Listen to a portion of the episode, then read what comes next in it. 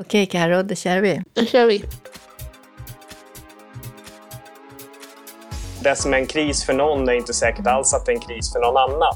Strömavbrott kan vara, det kan vara lite mysigt för vissa men för andra så kan det vara förenat med livsfara på grund av kanske mediciner eller, eller annan typ av liksom, rörelsehjälpmedel som drivs på elektricitet om, om, man, om det inte finns ordentligt backup och sådär. Hallå hej! Här är podden Hur tänkte ni nu? Igen. Janna är här. Karo är också här. Åter från en förkylning. Så om ni tycker att jag låter ovanligt smurfig så vet ni varför. Ja, men det har varit en orolig tid här. Det har varit pandemi och det har varit krig, eller det är krig i Europa och vi har ju pågående naturkatastrofer i eh, världen och vissa kanske till och med oroar sig över zombieapokalypser också. Mm. Svårt att veta vad som hinner först. Nej, vad, vad, är värst och vad kommer först? Och, eh, det som har varit en diskussion hos oss i DHR, det är ju det här med vad händer med eh, personer som har nedsatt rörelseförmåga i krissituationer? Finns det tillgängliga skyddsrum? Finns det planer för hur man ska komma ut om man har, eh, bor högt upp och elen går och hissen inte funkar längre och, och så vidare?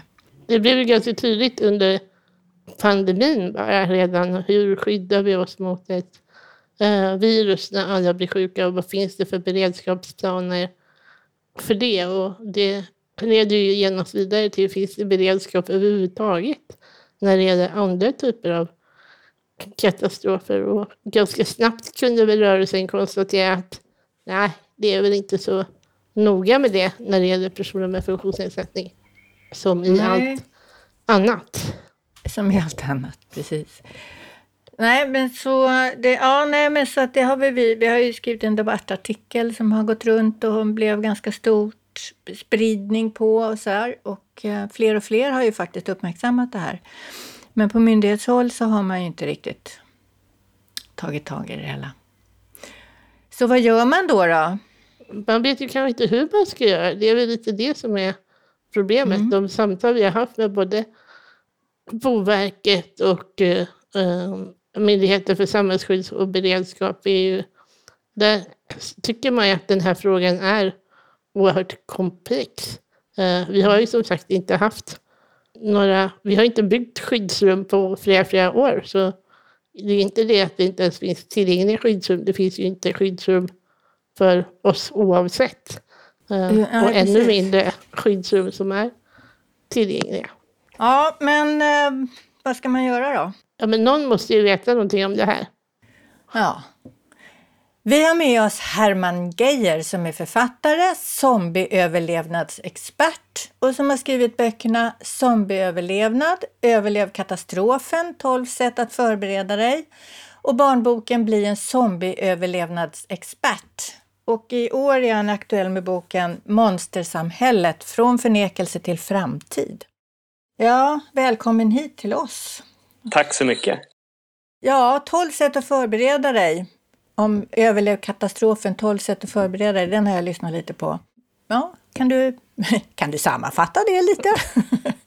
Ja, det kan jag absolut göra. Eh, det finns ganska många olika typer av eh, böcker om prepping och kriser och katastrofer, hur man ska klara sig. Men jag tänkte väl att de fokuserar väldigt ofta på så här, vilka prylar man ska ha hemma och och kanske eh, ibland vilka lagar och regler som gäller och hur man, eh, ja, hur man ska klara sig de här 72 timmarna bara rent fysiskt. Eh, men vad jag tänkte var utifrån min, min liksom, ja, men när jag läste om olika kriser och katastrofer som har inträffat så, så tänkte jag att det, det är andra saker som är viktigare. Det handlar om egenskaper, kunskaper och, och kanske förhållningssätt lite grann och mentala förberedelser.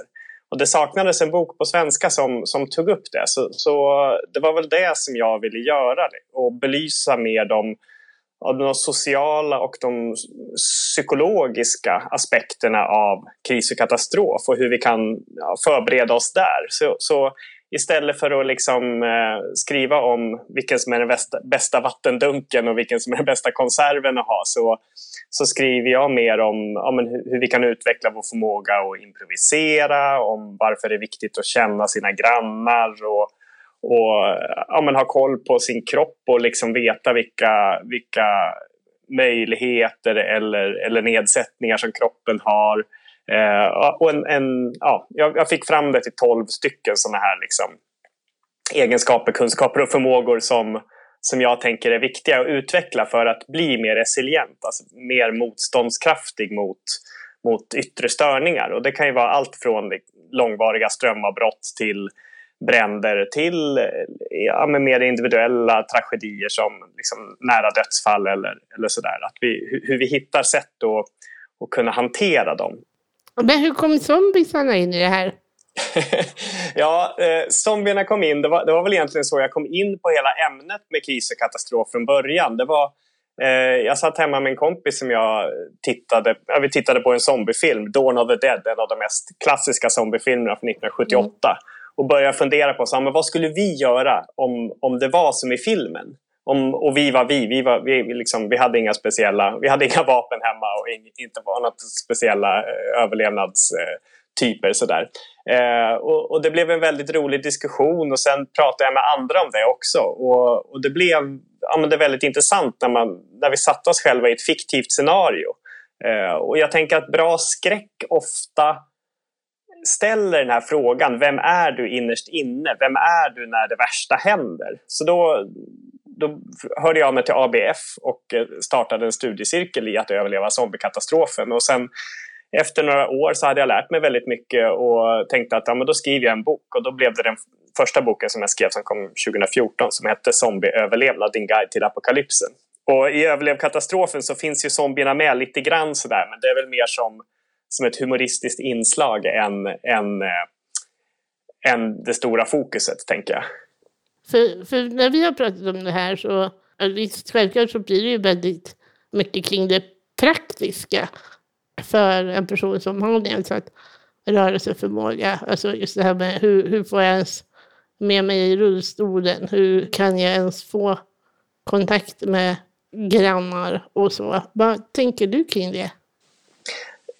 Jag brukar vi pratar om att, att det, just att känna sina grannar är den viktigaste ja, men kris och katastrofförberedelsen som vi kan göra överhuvudtaget. Och det, det, blir ju, det kan ju bli svårare av, av olika, eller det, det, är svårt eller lätt ja, för olika människor. Men, men just i de här situationerna när det finns hissar, eh, som, om det blir strömavbrott eller om det blir en brand så, så, så är det ju grannarna som är de som är först där och först kan hjälpa till. Så att Eh, Eh, vi har, det är ett koncept som, som finns som kallas för Preppa tillsammans som jag tycker är ganska intressant och det är att, att, eh, att jobba med, med folk som bor i närområdet och just prata om de här frågorna i förväg. Eh, för det är oftast ganska svårt upplever jag också, så här, även fast jag håller på med det här eh, nästan hela tiden, att här, prata med mina grannar eller med folk som, som jag känner om, om, om just det här. Men, men verkligen, vad skulle du göra om någonting händer? Hur, hur förbereder du? Eh, för, för jag tänker att det finns också ja, men en del eh, skuld och sådär inblandat i att man kanske, man vet ju om att myndigheterna förväntar sig att, att alla som kan ska klara sig själva i, i ungefär en vecka då, utan hjälp utifrån. Eh, för att myndigheterna ska kunna ta hand om de som som, som har särskilda behov av olika slag. Eh, så, så, så jag, jag, jag, tänker det, och där någonstans börjar det ju med att liksom försöka hitta modet och, och prata med andra om det här. Eh, hitta ingångar till att, att börja prata om att det kanske, att det, det kanske kommer bli sämre. Jag tänker att man kanske också måste börja prata om och definiera vad en katastrof är, för den kanske är olika för för mig som är så kallad normat och för en person med nedsatt rörelseförmåga, att, det, att vi har lite olika sätt att tänka katastrof också. Eller? Ja men verkligen. Eh, och, och den, alla eh, krisen eller katastrofen finns ju alltid hos den enskilde. Det som är en kris för någon är inte säkert alls att det är en kris för någon annan. Eh, och, och där tänker jag att, att ett strömavbrott kan vara det kan vara lite mysigt för vissa men för andra så, så kan det vara förenat med livsfara på grund av kanske mediciner eller, eller annan typ av liksom, rörelsehjälpmedel som drivs på elektricitet om, om, man, om det inte finns ordentligt backup och sådär. Så att det, det, är ju verkligen en, någonting som, som inte är en kris för någon kan ju vara en jättekris för någon annan. Tycker, tycker du att du har märkt någon skillnad nu när man ändå har haft en pandemi och vi har ett krig ganska nära oss, att det har underlättat samtalet kring de här frågorna? Ja, både och. Jag, jag tänker att krisbeteenden eller sådär beteenden efter kris. Vi, vid, när någonting inträffar så, så finns det, ja, men dels finns det ju politiska möjligheter att göra större förändringar för att en känsla av kris kan göra att vi, att vi förändrar någonting väldigt snabbt eh, rent politiskt. Men, men om, om man tänker på, på hur människor fungerar så, så brukar de här beteendena som uppkommer efter, efter en, en akut situation. De kanske håller i sig i tre månader eller något sånt där. Eh, och det, det, tänker jag också att vi ser lite efter, efter kriget eller efter Rysslands invasion i, av Ukraina så, så blev det ett väldigt stort uppsving och det blev mycket prat om, om skyddsrum, om eh, att man ska ha saker hemma och vad som händer vid krig och sånt där. Men, men nu har det gått några månader och, och, och det där verkar, känns som att det har ebbat ut. Jag tänker att många av de som kanske gjorde olika typer av förberedelser tidigare eh, har på något sätt eh, ja, men slutat tänka på det så mycket. Och det är väl också lite så här, det, man kan inte gå omkring och tänka att det ska bli kris hela tiden. Det, det blir väldigt Eh, jobbigt rent psykiskt att bara ha det som ett, någonting som hänger över men, men vissa typer av, av trygghets eller säkerhetsbeteenden tänker jag skulle kunna eh, finnas kvar ändå. Ja, men för jag, jag, jag tycker att det här är väldigt spännande, just det här med att, att be andra om hjälp. Det är ju någonting som kanske är väldigt svårt för många, just personer som har en funktionsnedsättning, för det blir rätt att man hamnar i ett underläge. Man, är ju, man ska alltid vara så oerhört tacksam hela tiden som person med funktionsnedsättning. Och jag tror att man värderar att vara självständig eh, på ett helt annat sätt och att klara sig själv på ett helt annat sätt eh, än många andra just för att inte hamna i en sån här tacksamhetsskuld. Och, och i mitt fall till exempel så jag har ju en granne och de är jättehärliga men mannen i den familjen har ju, har ju någon typ av demenssjukdom så han skulle inte vara till så himla mycket hjälp till exempel för att han, han jag skulle nog kunna hjälpa honom mer själv än vad han skulle kunna hjälpa mig. Men uh, vad händer i till exempel en sån här situation här man, när, när man är där i ett skyddsrum? Uh, Börjar man hjälpa varandra eller kommer andra instinkter fram? I, I vanliga fall vid civila kriser eh, så, är det väldigt, så ser vi nästan alltid en ökad solidaritet. Att människor eh, hjälper varandra med olika sätt. Man kan hjälpa främlingar. När, när det helt plötsligt kommer någon typ av så här yttre hot eller, eller fiende eh, så, som, som ju en, en naturkatastrof eller ett strömavbrott kan vara. Eller om man bara tänker att eh, om man väntar på ett tåg och sen kommer inte det här tåget, då börjar alla prata med varandra. Alltså mycket, många av de här barriärerna som vi har mellan oss i, i, i vanliga fall raseras när någonting händer. Eh, och, och, vi ser ganska ofta att människor med, med, med, risk för eget liv ibland försöker hjälpa andra. Det kan vara vid jordbävningar eller vid, vid, vid liksom plötsliga översvämningar och sånt där. Att det, det är inte alls så att alla bara försöker eh, rädda sig själva till, först till, till, till vilket pris som helst det första vi gör utan vi, vi har ofta förmåga att se till andras behov. Eh, och det vanliga är väl att vi först tittar kring de som är precis närmast oss. Om, om, man, bor, om man har en familj som man bor med eller kanske ett husdjur så, så, så ser man väl till liksom att eh, att, att, att de klarar sig och att, att de har okej först. Och sen, sen utvidgas det här liksom till, till grannskap om all, alla människor som, som kan finnas på platsen eh, just det. Och jag, jag, jag, tycker att vi såg tecken på det också ja, men, i corona, att det var väldigt många som ville eh, handla åt folk som behövde och sådana som inte kunde eh, eller som var i riskgrupp av, av olika skäl och sådär. Och det upp, massa människor börjar göra visir och skyddsutrustning. Så jag tänker att mycket av de där beteendena såg vi faktiskt i corona. Eh, folk ändrade sina vanor kring hur vi tvättade händer och, och vi började sprita allt möjligt sådär för, för, för det var det på något sätt vi, vi, vi blev tillsagda. Och de absolut flesta var, var noggranna med att hålla avstånd och inte vara i butiken mer än nödvändigt och sånt där.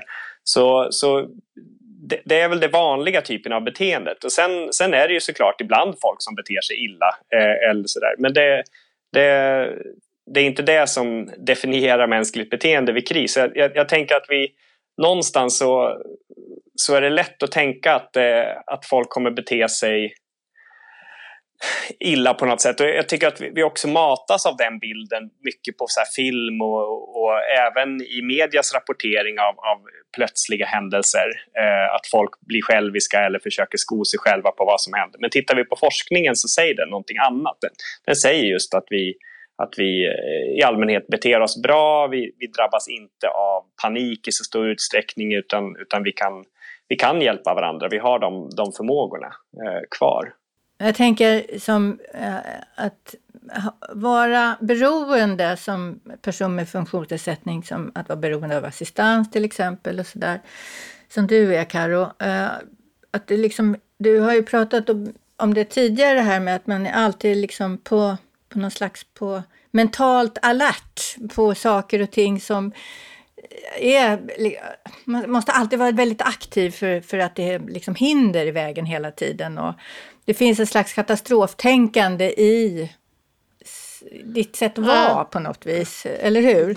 Ja, men precis. Vi har ju pratat lite om det här med minoritetsstress i andra sammanhang. Och, och det handlar just om det här med att eh, eh, så som samhället ser ut idag så finns det ingenting som man kan ta för självklart. Jag menar, sådana basala saker som människor tycker att ja, men det är självklart man bara om man använder rullstol så har man rätt till personlig assistans. Och så är det ju inte. Alltså det, det behöver inte betyda det. Och även om du har fått rätten en gång i tiden så behöver inte det vara att saker och ting inte kan förändras från ena dagen till den andra. Och hela ditt liv förändras. Och det är ju en enorm påfrestning att ha det tankesättet hela, hela tiden. Man är ju i en form av underliggande, så här, latent katastroftänk på något sätt.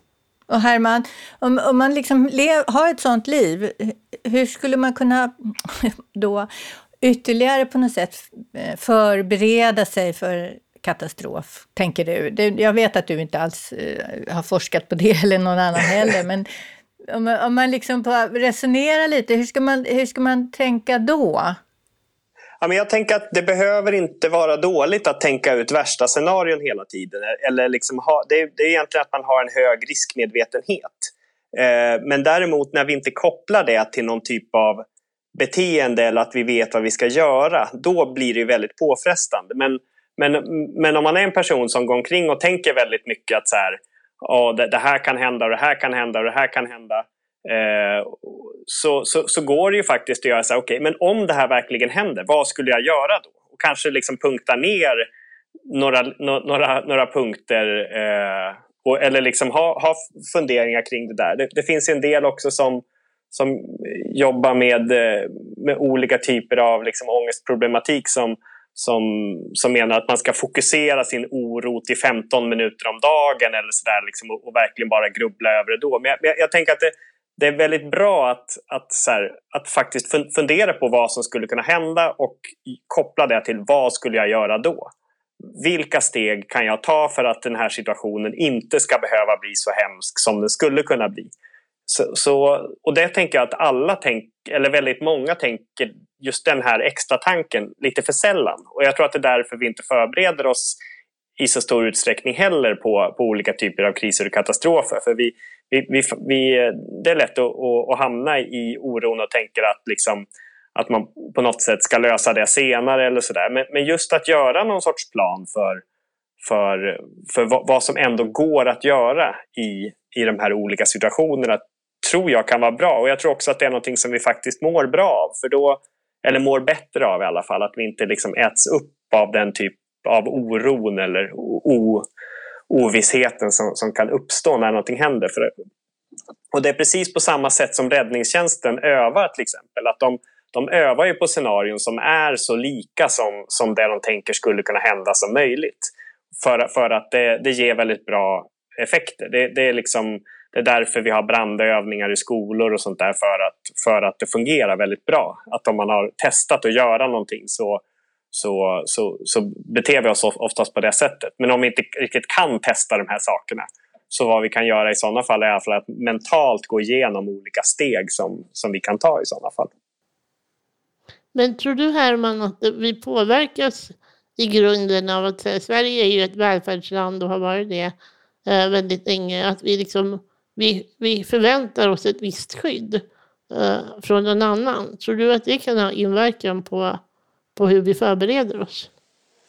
Eh, ja, det tror jag verkligen. Eh, och, och, vi har ju varit ett land i väldigt stor utsträckning av folkrörelser också. Så det, jag tänker att det är först på senare tid som vi har liksom, som den här att vi tar saker för givet blir ett problem när folkrörelserna på många sätt blir mindre och svagare till förmån för, för eh, kanske ekonomin eller, eller, eller politiken. Att, att vi inte kan protestera på samma sätt för vi har inte de, det, liksom det, det folkliga engagemanget på samma sätt. Eh, så, så jag, jag, tror absolut att vi, vi påverkas av det men däremot i en akut situation så tror jag inte att vi sätter oss och väntar på att någon annan ska lösa våra problem utan, utan generellt så, så gör vi det vi kan för att förbättra vår situation. Så att jag, eh, det finns väl ingenting som tyder på att vi skulle bara liksom när det händer en kris sätta sig och vänta på att någon annan ska lösa våra problem utan att vi löser de problemen som vi kan lösa tillsammans med andra eller, eller på olika sätt. Så att vi verkligen försöker det. Eh, men, men det är ju ett, ett, större politiskt problem, tänker jag, att vi inte har eller att, att folkrörelserna har förlorat i, i politisk kraft. Ja, det är ju någonting som vi i allra högsta grad mm. känner av som organisation. Ja, det, så är det ju. Ja, ja, men då fick vi en lite in, input och konkreta råd och uh, intressanta tankar tycker jag. Det var spännande att prata med dig Herman. Ja, tack. Din nya bok, vad är det mest spännande man kan läsa om där då? Monstersamhället, från förnekelse till framtid. Den handlar ju eh, inte bara om den liksom individuella beredskapen utan också om varför vi inte gör mer fast vi vet liksom hur illa det, det, kommer kunna bli med klimatkris och sånt där. Och det handlar om hur vi kan förbereda oss tillsammans med andra men också hur vi kan vara en del i att förändra samhället. För att det räcker ju inte att bara förbereda sig på att, på att saker ska bli värre utan vi måste också på något sätt politiskt på olika sätt eh, i folkrörelser och i nätverk och organisationer arbetar för att minska utsläppen av växthusgaser till exempel. Eh, så, att det, det, är ju, det är lite mer en, en politisk bok som, som tar, försöker ta en helhet på den liksom världen vi har och den världen vi skulle kunna få eh, om vi inte gör eh, allt vi kan just nu. Spännande, den ska jag genast ta mig an. Vad roligt. Spännande. Tack. Ja, ja, ja kul. Det var jätteroligt att prata med dig. Och ja, det är intressant. Massa intressanta tankar som jag har fått i alla fall. Mm. Ja, men verkligen. Det finns mycket vi skulle kunna eh, diskutera och vi kommer ju säkert prata med dig i andra sammanhang, Herman, vet mm. jag. Tack Herman Geijer, kul att du var med. Tack så jättemycket för att jag fick vara med. Ja, men jag tyckte det här var spännande, faktiskt. Det gör jag. Ja. Och jag tycker att det är också spännande att han eh, någonstans, som inte egentligen tillhör vår värld i vanliga fall, ser det som vi ser. Just behovet av eh, den mänskliga mångfalden, att den bara är den har bara positiva effekter. Men också vikten av att eh, vi som organisation finns och faktiskt också samlar olika typer av människor för att lyfta olika rättigheter. Att det är så väsentligt i, även i liksom sammanhang av kris och katastrof. Att man ser ju oftast att det är frivilliga organisationer som gör en väldigt stor insats när det sker saker. Nej, men det är verkligen någonting att ha, ha med sig om man inte tvivlar eller inte ser värdet av att organisera sig, att det verkligen finns existensvärde för oss organisationer. Att, vi har ett syfte att fylla. Nej, men jag känner mig själv bäst såklart. Och jag vet ju att jag tillhör en av de som borde sätta mig och punktlista lite mera istället för att gå omkring med en halvångest hela tiden. det är vad som pågår i världen. Ja, så att det är kanske det jag ska sysselsätta mig med i sommar.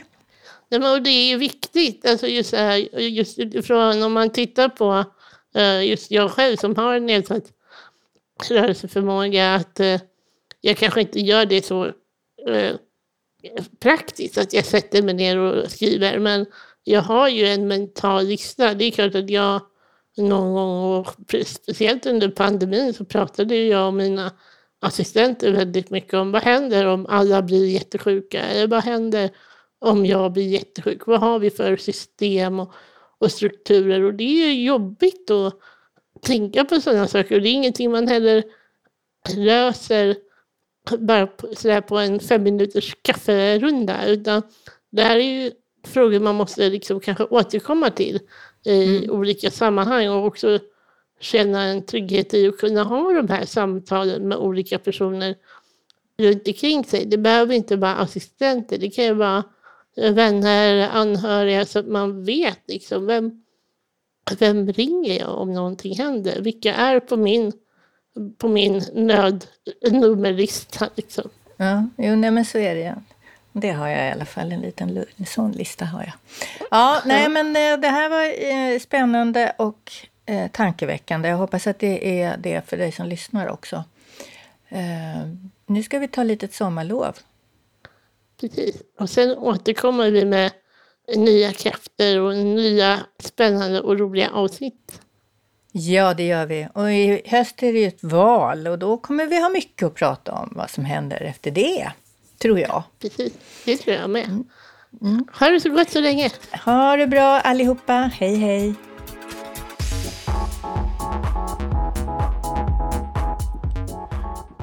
Hur tänkte ni nu? är en podd från DHR. Ansvarig utgivare, Janna Olsson. Hur tänkte ni nu produceras av Filt Hinterland för DHR.